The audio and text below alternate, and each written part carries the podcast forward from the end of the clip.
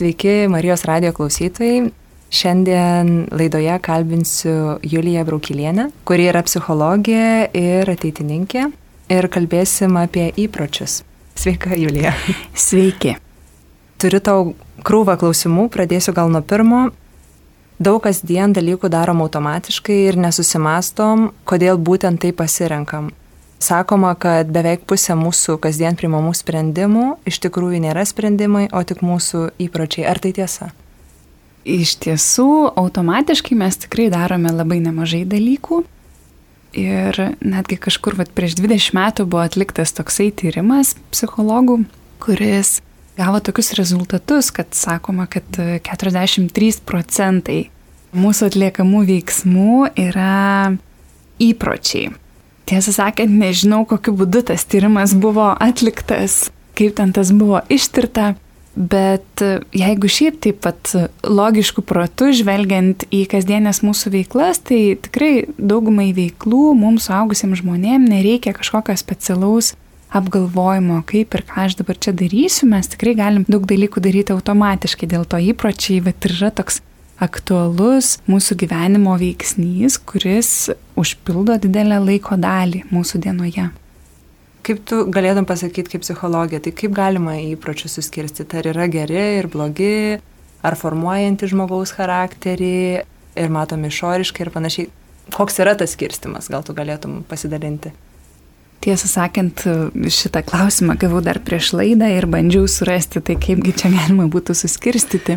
Bet gal tokio kažkokio aiškaus, labai plačiai naudojamo skirstimo nelabai ir yra psichologijos moksle.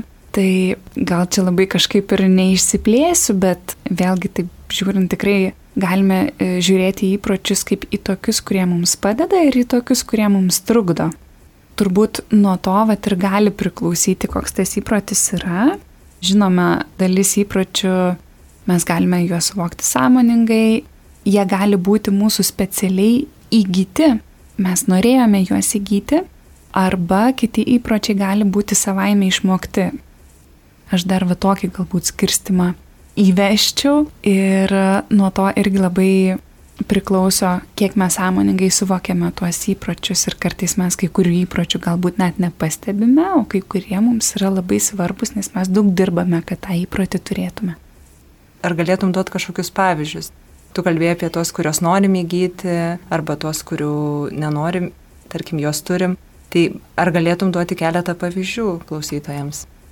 Na, tai gal toksai galėtų būti pavyzdys, įprotis, kurį siekiame įgyti ir galbūt mokome savo vaikus. Tai pavyzdžiui, grįžus iš lauko nusiplauti rankas. Ir šitos pandemijos akivaizdoje, tai tas įprotis tikrai buvo daug kartų kartojamas ir turbūt vis dar yra kartojamas, kad labai svarbu plautis rankas grįžus iš lauko. Ir tie, kuriem galbūt tas įprotis nebuvo toks įprastas, tai turėjome sutelkti savo dėmesį, kad tikrai sąžiningai, kruopščiai plautume rankas grįžę iš lauko. Tai nėra toks natūralus dalykas, kuris mums visiškai nesusiduriant su kultūrinė aplinka, su kitais žmonėmis, kad mes natūraliai jį išsiugdytume.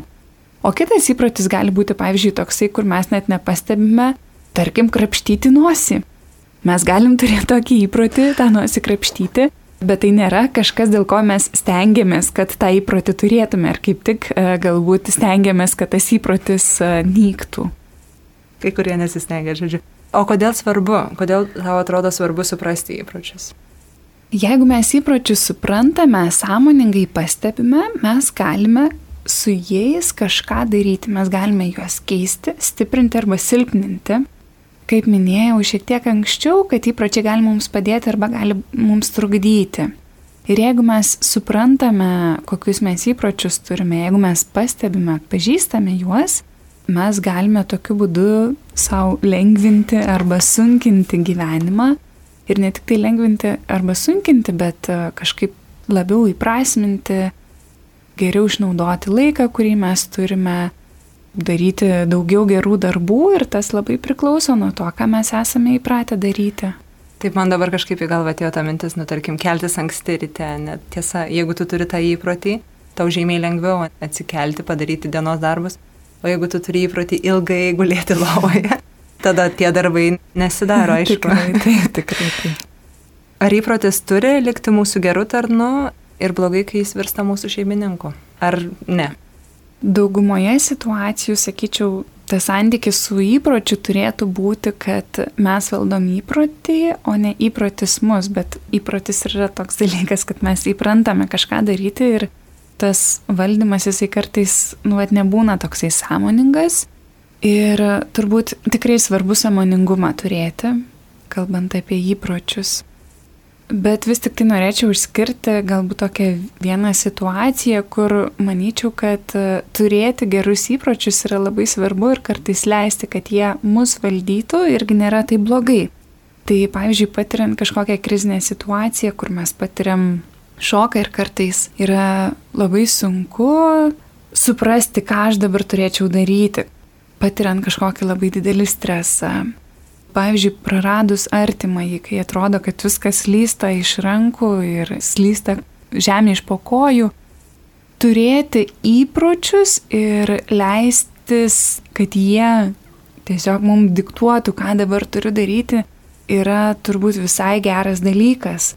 Pavyzdžiui, turėti įprotį ryte išsivalyti dantis, turėti įprotį pavalgyti pusryčius, turėti įprotį atsikelti iš lovos ir leistis, kad tie įpročiai mums vadovautų, tai iš tiesų tokiuose kritinėse situacijose, kai mes patys neturim vidinių resursų, neturim vidinės stiprybės, spręsti, ką aš dabar turiu daryti, arba tie sprendimai būtų mums žalingi, galbūt aš tuo metu norėčiau tiesiog gulėti lovai visą dieną, nesikelti ir būti užsikniaubus su anklade, tai įprotis tiesiog tam tikra dienos rutina padeda mums grįžti į rėmus ir kažkaip šiek tiek prablaivinti protą. Dabar, kai tu kalbėjai, aš pagalvojau, kad geras įprotis, tai mes sakome, yra darybė, ne? Nu, tarkim, turėti gerą įprotį kažką kartoti, ne, tai yra darybė, o įda tai yra blogas įprotis, turėti kažką polinkį daryti. Kaip ir mūsų bažnyčia apie tai kalba, ne, kad yra geri įpročiai ir yra tie blogi įpročiai. Kaip įpročiai veikia mūsų laisvę? Iš tiesų įprotis gali tiek mums sukurti daugiau laisvės, tiek atimti iš mūsų laisvę. Kaip ir tu minėjai, Gabija, kad iš tiesų darybės ir įdos tai yra kitas pavadinimas gerų ir blogų įpročių. Tai darybės mums suteikia laisvę. Vėl tavo duotas pavyzdys - anksti ryte atsikelti, jeigu mes turim tokį įprotį. Šitas įprotis, šita darybė, nu galbūt tai dar nėra darybė, bet tai yra geras įprotis, mums suteikia daugiau laiko daryti įvairius dalykus. Mes tada turime daugiau laisvės kažką veikti per dieną. Jeigu mes šito įpročio neturime, arba mūsų įprotis yra keltis vėlai, tokiu atveju mes neturime daug laiko, o neturėjimas daug laiko tai reiškia, kad tai atimama iš mūsų laisvė kažką įdomaus nuveikti, kažką gero nuveikti. Ir kodėl dažnai įpročius atkreipiame dėmesį tik tada, kai jie mums pradeda trukdyti? Na, dažniausiai, kai mums pradeda trukdyti, tai yra tam tikras nepatogumas, kurį mes norim kažką su tuo daryti. Pavyzdžiui, mes eidami pasivaikščioti, mes net kreipiame dėmesio, kad, o, mūsų kojas puikiai jaučiasi, mums jų visai neskauda, jos miklios ir lengvos mes atkreipiame dėmesį į savo kojas tada, kai prisitrinam puslę ir tada jau nebegalime nejausti, nematyti tos puslės.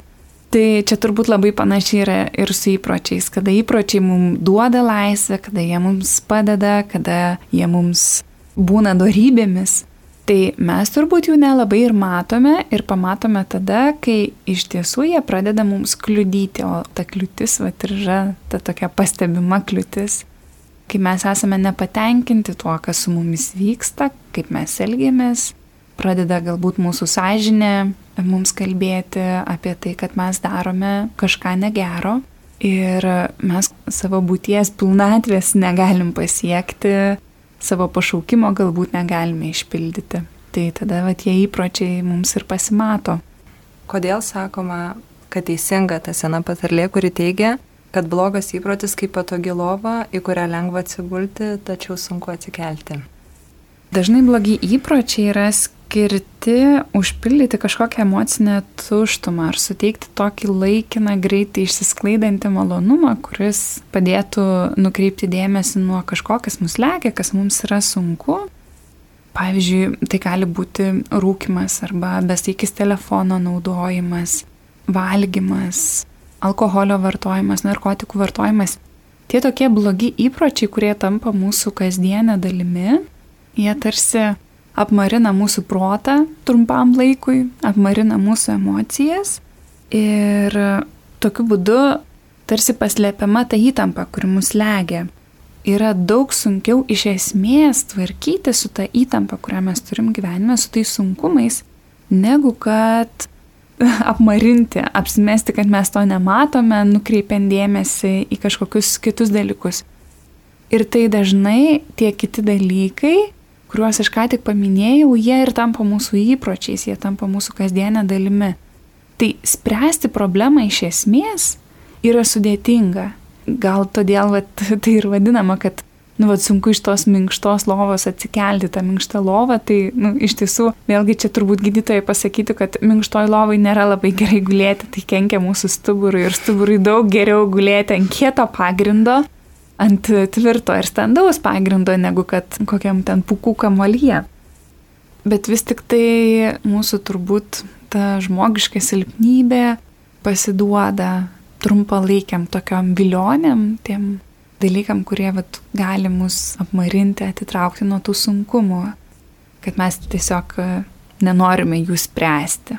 Kartais, kaip tu va dabar pasakyti, irgi lengviau gal sureaguoti taip, negu ten, tarkim, nu, va, pavyzdžiui, mokyklai būna, aš ne kai dirbi tų situacijų. Gal piktai atrodo lengviau, bet iš tikrųjų po to turi problemų dėl to, ne? Ir, ir tie va blogi įpročiai Jie kartais tuo momentu atrodo kaip ir patogus arba lengvesni, bet po to sunku iš jų išeiti, nes tu turi su savim susitvarkyti arba su savim pakovoti. Labai dažnai tai yra toks emocinio nuovargio arba fizinio nuovargio būsenoje, tai mes vadovaujamės tokiais impulsais ir impulsai dažnai kyla iš emocijų, kurios atsiranda ir, nu, pavyzdžiui, supykti, ant kažko riktelti, su kažkuo nemandagiai pasišnekėti, nu, tai gali būti irgi toks impulsas ir nebūtinai visada tai bus mūsų įprotis, mes galbūt būdami pailsėję, ramus, mes reaguotumėm turbūt visai kitaip. Mhm. Ir dabar vat kaip tik klausimas, ne, tai kodėl tie vat blogi įpročiai mums išsivysto greičiau nei geri? Nes iš tikrųjų, pavyzdžiui, kaip sako krikščionio gyvenimas, tai yra kova, ne, tu žemėje kovoji su savo tais blogais polinkiais, nes nu, mes visi jų turim bet kodėl tikrai atrodo taip lengva pasakyti kažką blogai arba turėti ten kažkokias pagundas. Ir daug sunkiau yra su savim pakovoti ir susivaldyti ir, tarkim, elgtis gražiai, atsakyti gražiai, ne? Nors yra daug geriau tau pačiam, jeigu tu elgiesi gerai. Dažniausiai blogi įpročiai formuojasi be mūsų didelio įsikišimo. Ir kaip jau čia laidos pradžioje kalbėjom, kad tiems blogiems įpročiams formuotis, nu, dažniausiai jie tiesiog atsiranda savaime. O gerus įpročius mes dažnai norime pasiekti labai sąmoningai. Vėlgi tikrai būna tokių situacijų, kur formuojasi nesąmoningai ir geri įpročiai, būnant tokioj vat, geroj aplinkoj, kur mes galim mokytis gerų, gražių dalykų iš mūsų aplinkos, tai, nu, va, tie geri įpročiai gali irgi formuotis, bet formuojasi ir blogi įpročiai, o mes sąmoningai blogų įpročių neformuojam. Mhm. Arba, nu, tai būna labai kažkoks retas, retas atvejis.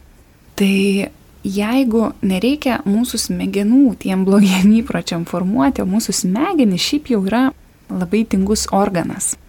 Tam, kad mes pasitelktume sudėtingesnės smegenis, kurios vėliau evoliucijos eigoje išsivystė, kurios ten nėra atsakingos tik tai už kvepavimą arba ten kokį virškinimą, bet kur reikia mūsų valios pastangų, tai yra reikalingos pačios sudėtingiausios smegenys mūsų kaktinėje dalyje. Ir tos smegenys yra iš tikrųjų tingios, jos atsiradę yra vėlai ir jos veikia tada, kai mes būnam ramus, pailsėję, tada jos geriausiai veikia. Tai tokios situacijos, kada mes būnam ramus ir pailsėję, jų būna, bet ne visada. Ir turbūt tada, kai mes būsime pavargę, išalkę, kažkaip įsidirginę, tai tada mums nebus taip paprasta tą gerą įprotį formuoti. Todėl ir reikia daugiau laiko, kad jis iš tiesų taip įsigyventų mūsų rutinoje, mūsų kasdienybėje. Kaip pakomentuotum šitą teiginį, kad blogi įpročiai lemia pralaimėjimus, o geri pergalės? Tai jeigu mes žiūrėtume į įpročius būtent šituo žvilgsniu, tokiu katalikišku žvilgsniu, tai svarbu suvokti, kad darybės mums atneša amžiną gyvenimą, o įdos amžiną mirtį.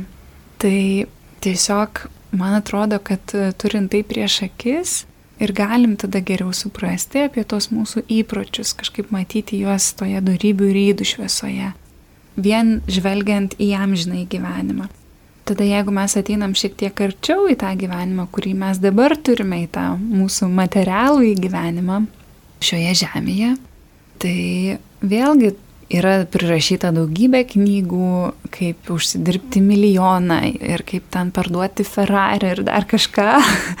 Tokių populiariųjų sėkmės galbūt knygų. Galbūt taip jas pavadinčiau.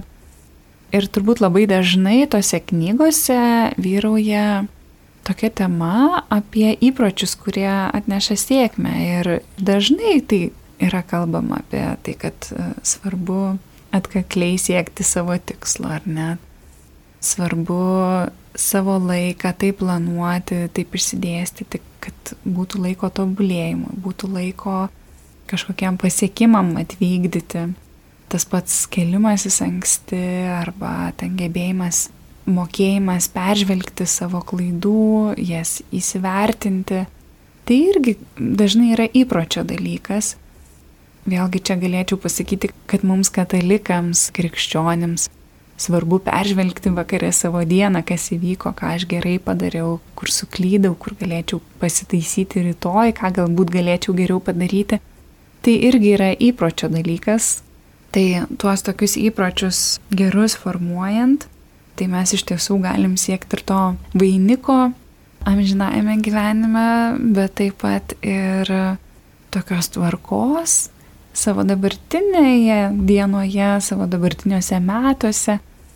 Ir ta tvarka irgi gali mums atnešti sėkmę. O blogi įpročiai, tai nežinau, vėl prisiminkime, kas tie gali būti blogi įpročiai. Tai gali būti nuo narkotikų vartojimo, nuo galbūt lošimo bet kuri nuodėmė yra blogas įprotis. Ta prasme, bet koks, tarkim, ar netyrumas, ar dar kažkas, nu tai jau yra kažkoks blogas polinkis, ne? Tai tave laužo, tai tau neteikia laimės.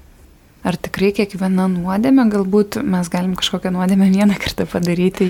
Jeigu tai nesikartoja, tai gal dar ir nėra įprotis, bet turbūt daugumai nuodėmių mes jas kartojame mėnesis iš mėnesio ir nėra taip lengva pasitaisyti. Tai iš tiesų yra mūsų tie blogi įpročiai. Ir kaip, nu, vat, pavyzdžiui, įprotis tingėti, įprotis grįžus namo po darbo, atsisėsti prie televizoriaus ir nieko neveikti, tai net neš mums kažkokios sėkmės, tai net neš mums geresnių santykių su savo artimaisiais, tai net neš mums finansinės kažkokios naudos. Iš tiesų, va tie blogi įpročiai ir akivaizdžiai turbūt čia Marijos radijo klausytojai tikrai neprieštaraus ir patys mato savo gyvenime, kad tikrai gali prišaukti tas vadinamas nesėkmes. Ir tiesa, kad, tarkim, nu, kai tu matai va, žmonės, kuriem gyvenime nesekasi arba kurie yra, tarkim, gerose pozicijose, tai kažkaip jie yra tokie pozityvūs. Jie sugeba perlipti per save, nu, kai pakalbi ir keliasi anksti, ir, tarkim, daug aukojasi dėl tam tikrų dalykų tai tu matai, kad tikrai va tie geri įpročiai tam žmogui atneša, gal vadinama ir net materialinė ten kažkokia gerovė arba tam tikrais dalykais, net jau čia žemėje, ne? Man šiek tiek sudėtingiau apie tą tokį verslo sektorių kalbėti, nes aš iš tiesų jo nelabai pažįstu, bet uh, dirbdama mokykloje tikrai mačiau, kad mokiniai, kurie turi įpročius tokius gerus įpročius susijusius su mokymusi, kad jam atrodo visai nereikia pastangų ir jie puikiausiai atlieka savo namų darbus, pasiruošia užduotis. Ir jam nu, nėra sunku, jiems lengva tai padaryti ir tas net nėra susiję turbūt su kažkokiais intelektiniais gebėjimais, bet tiesiog jie yra įpratę mokytis, jie žino sistemą, kaip jie mokysis, jiem nereikia kiekvieną kartą galvoti, tai kaip čia dabar, kada čia tuos namų darbus padaryti, ar prieš tai, kai pažaisiu kompiuterinius žaidimus, ar po to. Paskui galiausiai gaunasi taip, kad nebelieka laiko namų darbus daryti ir tiesiog tas geras įprotis žinoti, kada aš atlieku savo užduotis, kaip aš jas atlieku, ko man reikia toms užduotims atlikti tai iš tiesų atneša tą vat akademinę sėkmę, o mokiniai, kurie gali būti labai protingi, labai turintis tokius vat, stiprius gebėjimus, bet neturintis įpročio mokytis, nu jam būna tikrai labai sunku ir jų pažymiai gali dėl to nukentėti. Jų savijauta mokykloje gali nukentėti tiesiog todėl, kad jie neįprato mokytis. Ir kitas dalykas, o kaip galime atsisakyti senų įpročių ir sukurti naujus? ir ar įpročių keitimas, atsisakymas ir kūrimas ir yra atskiri ir visiškai skirtingi procesai, ar tai susiję? Gal iš pradžių atsakysiu tą antrąją klausimą, kad iš tiesų susiję ir tai tam tikrą prasme ir parodo, kaip tuos įpročius naujus sugdytis. Tai visų pirma, labai svarbu jau mano minėtas samoningumas, sąmoningai suprasti, kokius aš įpročius turiu, kaip jie veikia mano dienoje ir tada įsivardinti tikslą. O tai ką man reikia tą įprotį naują išsiugdyti arba to seno atsisakyti, kuo man tai trukdo, kuo mano gyvenimas pasikeis, kai aš tą naują įprotį turėsiu. Tai kai aš suprantu, dėl ko man reikia naujo įpročio, tada man reikia pasižiūrėti, o kaip aš tą įprotį galėčiau pakeisti kažkuo kitu mūsų gyvenime vakumo nebūna. Ir jeigu aš esu įpratusi, pavyzdžiui, galim paimti kokį įprotį rūkimą, ar ne, jeigu aš esu įpratusi ryte gerdama kavą užsirūkyti ir aš dabar nuspręsiu, kad nu, vat, aš nerūkysiu, tai kažkurį laiką valios pastangomis aš galiu to nedaryti, bet kad tas įprotis nerūkyti būtų tvaresnis, man reikia įpročio kažką daryti kažką daryti vietoj to rūkimo. Tai galbūt gali būti, nežinau, koks nors pokalbis telefonu su kažkuo, vad geriant kavą. Tai galbūt gali būti knygos e, skaitimas geriant kavą. Tai galbūt gali būti koks nors, nežinau, morkos pagraužimas. Tai iš tiesų pakeisti savo tą blogą įprotį naujų įpročių yra kur kas lengviau, negu kad tiesiog sakyti, kad viskas dabar šitoje vietoje aš darau vakumą. Tas vakumas jisai vis tiek užsipildys kažkuo. Ir kai mes sąmoningai patys nusprendžiame, kuo mes norime tai užpildyti, tai padaryti yra kur kas lengviau. Gal verta paminėti, kad žinotume, kad reikės tam laiko. Mes jau kalbėjome, kad gerus įpročius išsiugdyti yra sunkiau, Tai vėlgi mokslininkai bando išsiaiškinti, tai kiek čia reikia kartoti tą patį veiksmą dienų iš eilės, kad tai taptų mūsų įpročiu. Tai tokio labai aiškaus ir bendro sutarimo nėra, nors ten būna, kad sako tikrai va 3 savaitės ir užtenka, arba ten 30 dienų ir užtenka. Tai vėlgi prieš 11 metų atliktas tyrimas sako, kad vidutiniškai reikia atlikti veiksmą 66 kartus Bet tai varijuoja, vieniems žmonėms gali reikėti mažiau laiko, kitiems ilgiau. Tai sako, nu, bet irgi tame tyrime buvo atskleista, kad kai kuriems žmonėms pavyko išsiugdyti įprotį per 18 dienų, kitiems prireikė 254. Tai, nu, vat, matot, skirtumas yra labai didelis ir galbūt užteks, vat, kažkam dviejų mėnesių tas vidutinis laikas bet gali prireikti ir kur kas daugiau, ir tų kelių mėnesių. Tai svarbu įjungti tą savo samoningumą, matyti sąmoningai tą savo įpratimą ir žinoti, dėl ko man reikia tą įprotį pakeisti, kas man gyvenime bus kitaip nuo to, kaip tai mane paveiks emociškai, kai aš pasieksiu tą savo tikslą, kai aš tą įprotį turėsiu. Ir tada tą tikslą prieš akis turint, nu, vat, sugalvoti, o tai koks kitas įprotis, kuris man būtų naudingas vietoj to žalingo, kurį aš dabar turiu, man padėtų. Tai sakai, reiktų keisti, ne? Žodžiu, vieną įprotį kitų, nes tikrai daug lengviau. Ir kitas klausimas yra, ar teisus buvo Sokratas, sakydamas, kad pokyčių paslaptis visą savo energiją sutelkti į naujų įpročių kūrimą, tai gal čia net ir atsakė, ne? O ne kova su senaisiais. Taip, tai iš tikrųjų galima atsigręžti į anksčiau jau seniai gyvenusius mąstytojus ir tikrai galime pritarti, kad tas įpročių atsisakymas yra ne kas kito, kaip naujų įpročių kūrimas kartais gali atrodyti, kad, o tai kaip čia pakeisti kažkuo kitu. Pavyzdžiui, jeigu aš keikiuosi ir noriu nustoti keiktis, tai man tiesiog reikia nustoti tą daryti.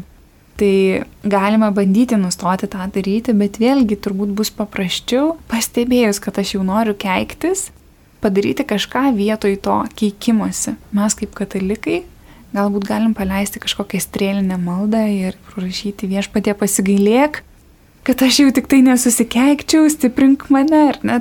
Tai tas minties paleidimas, maldos paleidimas link Dievo gali ir būti tas pakeitimas keiksmažodžio kažkuo kitu. Galbūt mes mintise galim palaiminti tą žmogų, kurį norim apkeikti, arba būna žmonės pakeičia keiksmažodį į kažkokį kitą priežodį, sakydami ne kažką tai tokio vulgaraus ir nemandaugaus, bet nu, tiesiog į kažkokį tai kitą žodelį, kuris nėra kenksmingas, nėra įžeidus. Tai tų būdų atsisakyti tų blogų įpročių tikrai gali atrodyti, kad nelabai yra ką čia vietoj to padaryti, bet tikrai tikiu, kad pasitelkę kūrybiškumą mes galime atrasti, kas mums toje vietoje padės to įpročio atsisakyti ir išsiugdyti kažką naujo. Bet kaip Sokratas sakė, kad vis tik tai reikia naujų įpročių, o ne kovoti su senais. Dabar man, kai kalbėjai, priminiai vienas kunigas, toks amerikietis, kunigas Farelas, pasako, sako, tu važiuoji ir važiuoja viena mašina labai greitai ir ten sustabdo ir tu supyksti ir tu jau nori iškiš draugystės pirštą pro langą. ir tada tu sakai, te laimina tave viešpat. Tai irgi va tas ir yra kova su savimi, ne? nes iš tikrųjų, kai važiuoji ir tikrai eisme mes pasidarom tokie kartais pikti, o iš tikrųjų reikia tikrai laiminti, gal stengtis to žmonės. O kas geriausiai paskatina atsisakyti tų blogų įpročių? Malda? Malda ir Dievo malonė, tai čia tikrai turbūt nebus stipresnio dalyko. Bet žiūrint, ką psichologijos mokslas siūlo šitoje srityje, mes irgi žmonės turime protą ir galime ieškoti, pažinti mūsų veikimo būdus. Tai vis tik tai sakyčiau, kad svarbiausia įpročių formavimuisi tai yra tikslo turėjimas, ne šiaip savo norėti nustoti keiktis, bet suprasti, o ką man tas atneš gyvenime, jeigu aš nustosiu keiktis, kaip keisis mano santykiai su kitais žmonėmis, kaip keisis mano savivaizdis, pasitikėjimas savimi, galbūt dar kažkokie dalykai keisis, tai tiesiog išsigryninti ir turėti tą tikslą priešai save. Ir kitas dalykas, tai ypatingai čia galioja vaikams, paaugliams, bet ir mums suaugusiems taip pat tai yra labai svarbu tai yra kokioje aplinkoje mes esame. Ir nuo aplinkos taipogi daug dalykų priklauso. Jeigu aplinka yra palaikanti, padedanti mums tame įpročių pasikeitime, tai tikrai yra nuostabus dalykas ir malonė tokią aplinką turėti, bet kartais būna, kad apsunkina tą aplinką, pavyzdžiui, žmogus, kuris nori mesti rūkyti, gyvenantis namuose, kur visi kiti rūko, išgyvens labai labai sunku laiką ir jam bus tikrai labai sunku tą padaryti. Tai čia kviečiu ne tai, kad nuleisti rankas, kad ai, jeigu jau čia taip yra mano aplinkoje, tai aš nieko negaliu pakeisti. Ne. Išsikelkim tą svarbų tikslą, bet kartu ir žiūrėkime į savo artimuosius ir gaudykim, galbūt jie siunčia kažkokius signalus, kad jie nori ugdytis naują įprotį, nori kažkokio seno atsisakyti kur mes suprantame, kad, aha, bet aš irgi taip darau. Ir mano tam artimam žmogui nebus lengva tai daryti, jeigu aš nesikeisiu. Tai galbūt žiūrėkim, galbūt mes visą šeimą galim pradėti sveikiau maitintis, galbūt mes visą šeimą galim pradėti daugiau judėti, kai jau kažkas vienas iš mūsų šeimos atranda tą tokią motivaciją ir norą tos gerus įpročius ugdytis. Galbūt mes galim kažkaip solidarizuotis ir kartu su jais tiesiog tobulintis. Tiesa, kad aplinka labai padeda ir iš tikrųjų kai tu kalbėjai apie tas darybės ir rydas, tai dar ir dvasios vadovas labai padeda, ne, ugdyti savo viduje, tarkim, tam tikrą įprotį arba įdarybę arba įdą. O kaip gali padėti krikščioniškas tikėjimas ugdyti mūsų gerus įpročius ir vengti blogų? Čia pagalvojau apie keletą tokių momentų, tokių galbūt religinių dvasinių praktikų, kurios tikrai galėtų būti naudingos ir yra naudingos žmonėm, kurie mm, jas taiko. Tai pirmas tai yra dienos peržvalga, kurį jau šiek tiek minėjau, tai iš tiesų didina mūsų samoningumą, ką ir kaip mes per dieną darome, kaip mes veikiame ir kaip tas mūsų veikimas atitinka Dievo valią ar ne. Ir taip pat, ar tai mus skatina ugdytis darybės, ar skatina ugdytis įdas. Taip pat krikščioniškas tikėjimas mums suteikia tikslą Ir tas tikslas, amžinasis gyvenimas, dėl kurio tikrai verta pasistengti, gali būti tas motivacinis veiksnys įgūdžiams, įpročiams ugdytis. Taip pat mes turime šventųjų pavyzdžius, šventųjų, kurie yra mums tokie kaip šviesuliai, kurie nei vienas iš jų nebuvo tobulas gimęs, jie turėjo įvairių polinkių į blogą, bet jie tuos polinkius sugebėjo apvaldyti ir pradėti gyventi tą šventą gyvenimą, kuris vėlgi nebuvo be kažkokių paklydimų, bet nuolat atsikelti ir eiti pirmin. Tai jie galėtų būti mums tokie kaip įkvėpėjai, kaip pavyzdžiai.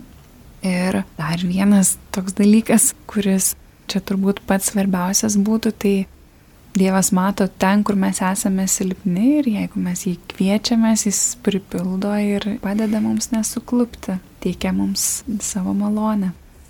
Taip ir Nu, iš tikrųjų dabar, kai tu kalbėjai, tai atėjo ta mintis, nesenai klausiausi apie vieną kunigą, kuris Korejos, Šiaurės Korejos kare padėjo kariams. Ir kas man labai strigo iš tos jo biografijos, nes ten buvo YouTube video, kad jisai visą laiką galvojo apie kitus. Ir nepaisant to, ar jis buvo ten jaunesnis, prieš išvykdamas į tą karą, jis net savo kurso draugams padarydavo kopijas, atiduodavo jiems. Ir aš galvoju, tikrai tas pavyzdys, kurį tu turi švento žmogaus, tave labai Tu galvoji, o tas žmogus sugebėjo visada galvoti apie kitus, ne, ne apie save? Gal ir aš galėčiau. Ir dar kitas klausimas, jau du, jau tikrai veiksim toj. Ar įmanoma žmogui išaukti be tų blogų įpročių? Nesu susidūrusi su tokia situacija. Vėl nežinau, čia gal teorijos kažkaip nelabai galės to atsakyti, bet, bet manau, kad nelabai įmanoma. Mes, mes visi tos įpročius formuojamės ir kartais netgi galbūt tas pats įprotis jisai galbūt dažniausiai bus geras, bet kažkokioje situacijoje jisai mums kliudys. Tai nu, tas toks geras, blogas vėl tai yra priklauso nuo aplinkybių, kur mes tą įprotį turime. Ir paskutinis klausimas, tai kiek kitų žmonių nuomonė įtaka mums svarbi, kad keistume savo įpročius? Tai vėlgi, jau kalbėjom, kad jeigu aplinka irgi nori ugdytis gerą įprotį arba jau tą įprotį turi, mums bus lengviau veikti taip, kaip mums yra geriau. Tai čia vienas aspektas, o kitas aspektas kitų žmonių nuomonė irgi yra svarbi, jeigu mes esame galbūt mažiau užtikrinti savimi, galbūt mūsų įsivaizdavimas, kad mes esam kažkokie ten netokie svarbus, netokie, netokie reikalingi, netokie reikšmingi, tai tada mums bus labai svarbu, ką kiti žmonės pasako. Ir tai ypatingai yra tam tikrais amžiaus tarpsniais, pavyzdžiui, paauglystėje, kada mes ieškom kitų žmonių pripažinimo ir kažkokio tokio patvirtinimo, kad taip, tu esi vat, puikus žmogus, tu labai įdomus. Ir jeigu mūsų aplinka mums transliuoja šitą žinutę, kai mes ugdysimės gerus įpročius, kai mes elgsimės teisingai, kai mes kovosim už tiesą, tai mus skatins tą daryti, bet jeigu mūsų aplinkoje bus pripažinimas mūsų tada, kai mes iškriesim kokią šunybę, galų galę netgi, kai tėvai atkreipia dėmesį į savo vaiką, kai jisai padaro kažką blogo, o ne tada, kai jisai pasielgia puikiai, šauniai, tai siunčia mums tokią nesąmoningą žinutę, kad daryk taip ir toliau, krėsk šunybės, nesikelk iš lovos ryte, tai tada ateis mama ir tave dažniau pakibins negu tada, kai tu kelsiesi iš lovos. Tai tiesiog yra tas mūsų socialinis ratas, kuris mūsų supa, tikrai svarbus, vieni žmonės, kurie yra tvirtesni viduje, turi tokį tvirtesnį stuburą, jiem tas darys mažiau įtakos. O jauno amžiaus žmonėms arba tiem, kurie mažiau savimi pasitikė, tiem įtaka bus svarbi. Bet aš galvoju, kai tu dabar kalbėjai, man kilo tokia mintis, kad, nu, iš tikrųjų, krikščionis, jį mes einame ne prieš srovę, mes atsiverti Delfi skirybos, vienos skirybos su kitais. Ir iš tikrųjų tau, kaip krikščioniui, tas daro stipriai bet kokiam žmogui, kuris ten, tarkim, bando tikėti ir, ir tai daro tau įtaką, visa aplinka, ne pasaulis arba kiti dalykai, kurie vyksta, mus veikia ir iš tikrųjų mes arba stengiamės tas darybės ir kartais netenka su savim labai stipriai kovoti, stengiamės sugdyti arba einam go with the flow, kaip ten anglai sako, neinam paliai ir tada nėra labai Palei geras srovė. dalykas. Taip. Taip, tai labai labai tau ačiū, Julija. Labai įdomi laida ir labai įdomu buvo šnekėti su tavim. Daug labai įdomių dalykų išgirdau ir smagu tave pamatyti. Ačiū tau, Gabi, ir ačiū Marijos radio klausytojams, kad gilinatės į tokias temas. Sudie. Sudie.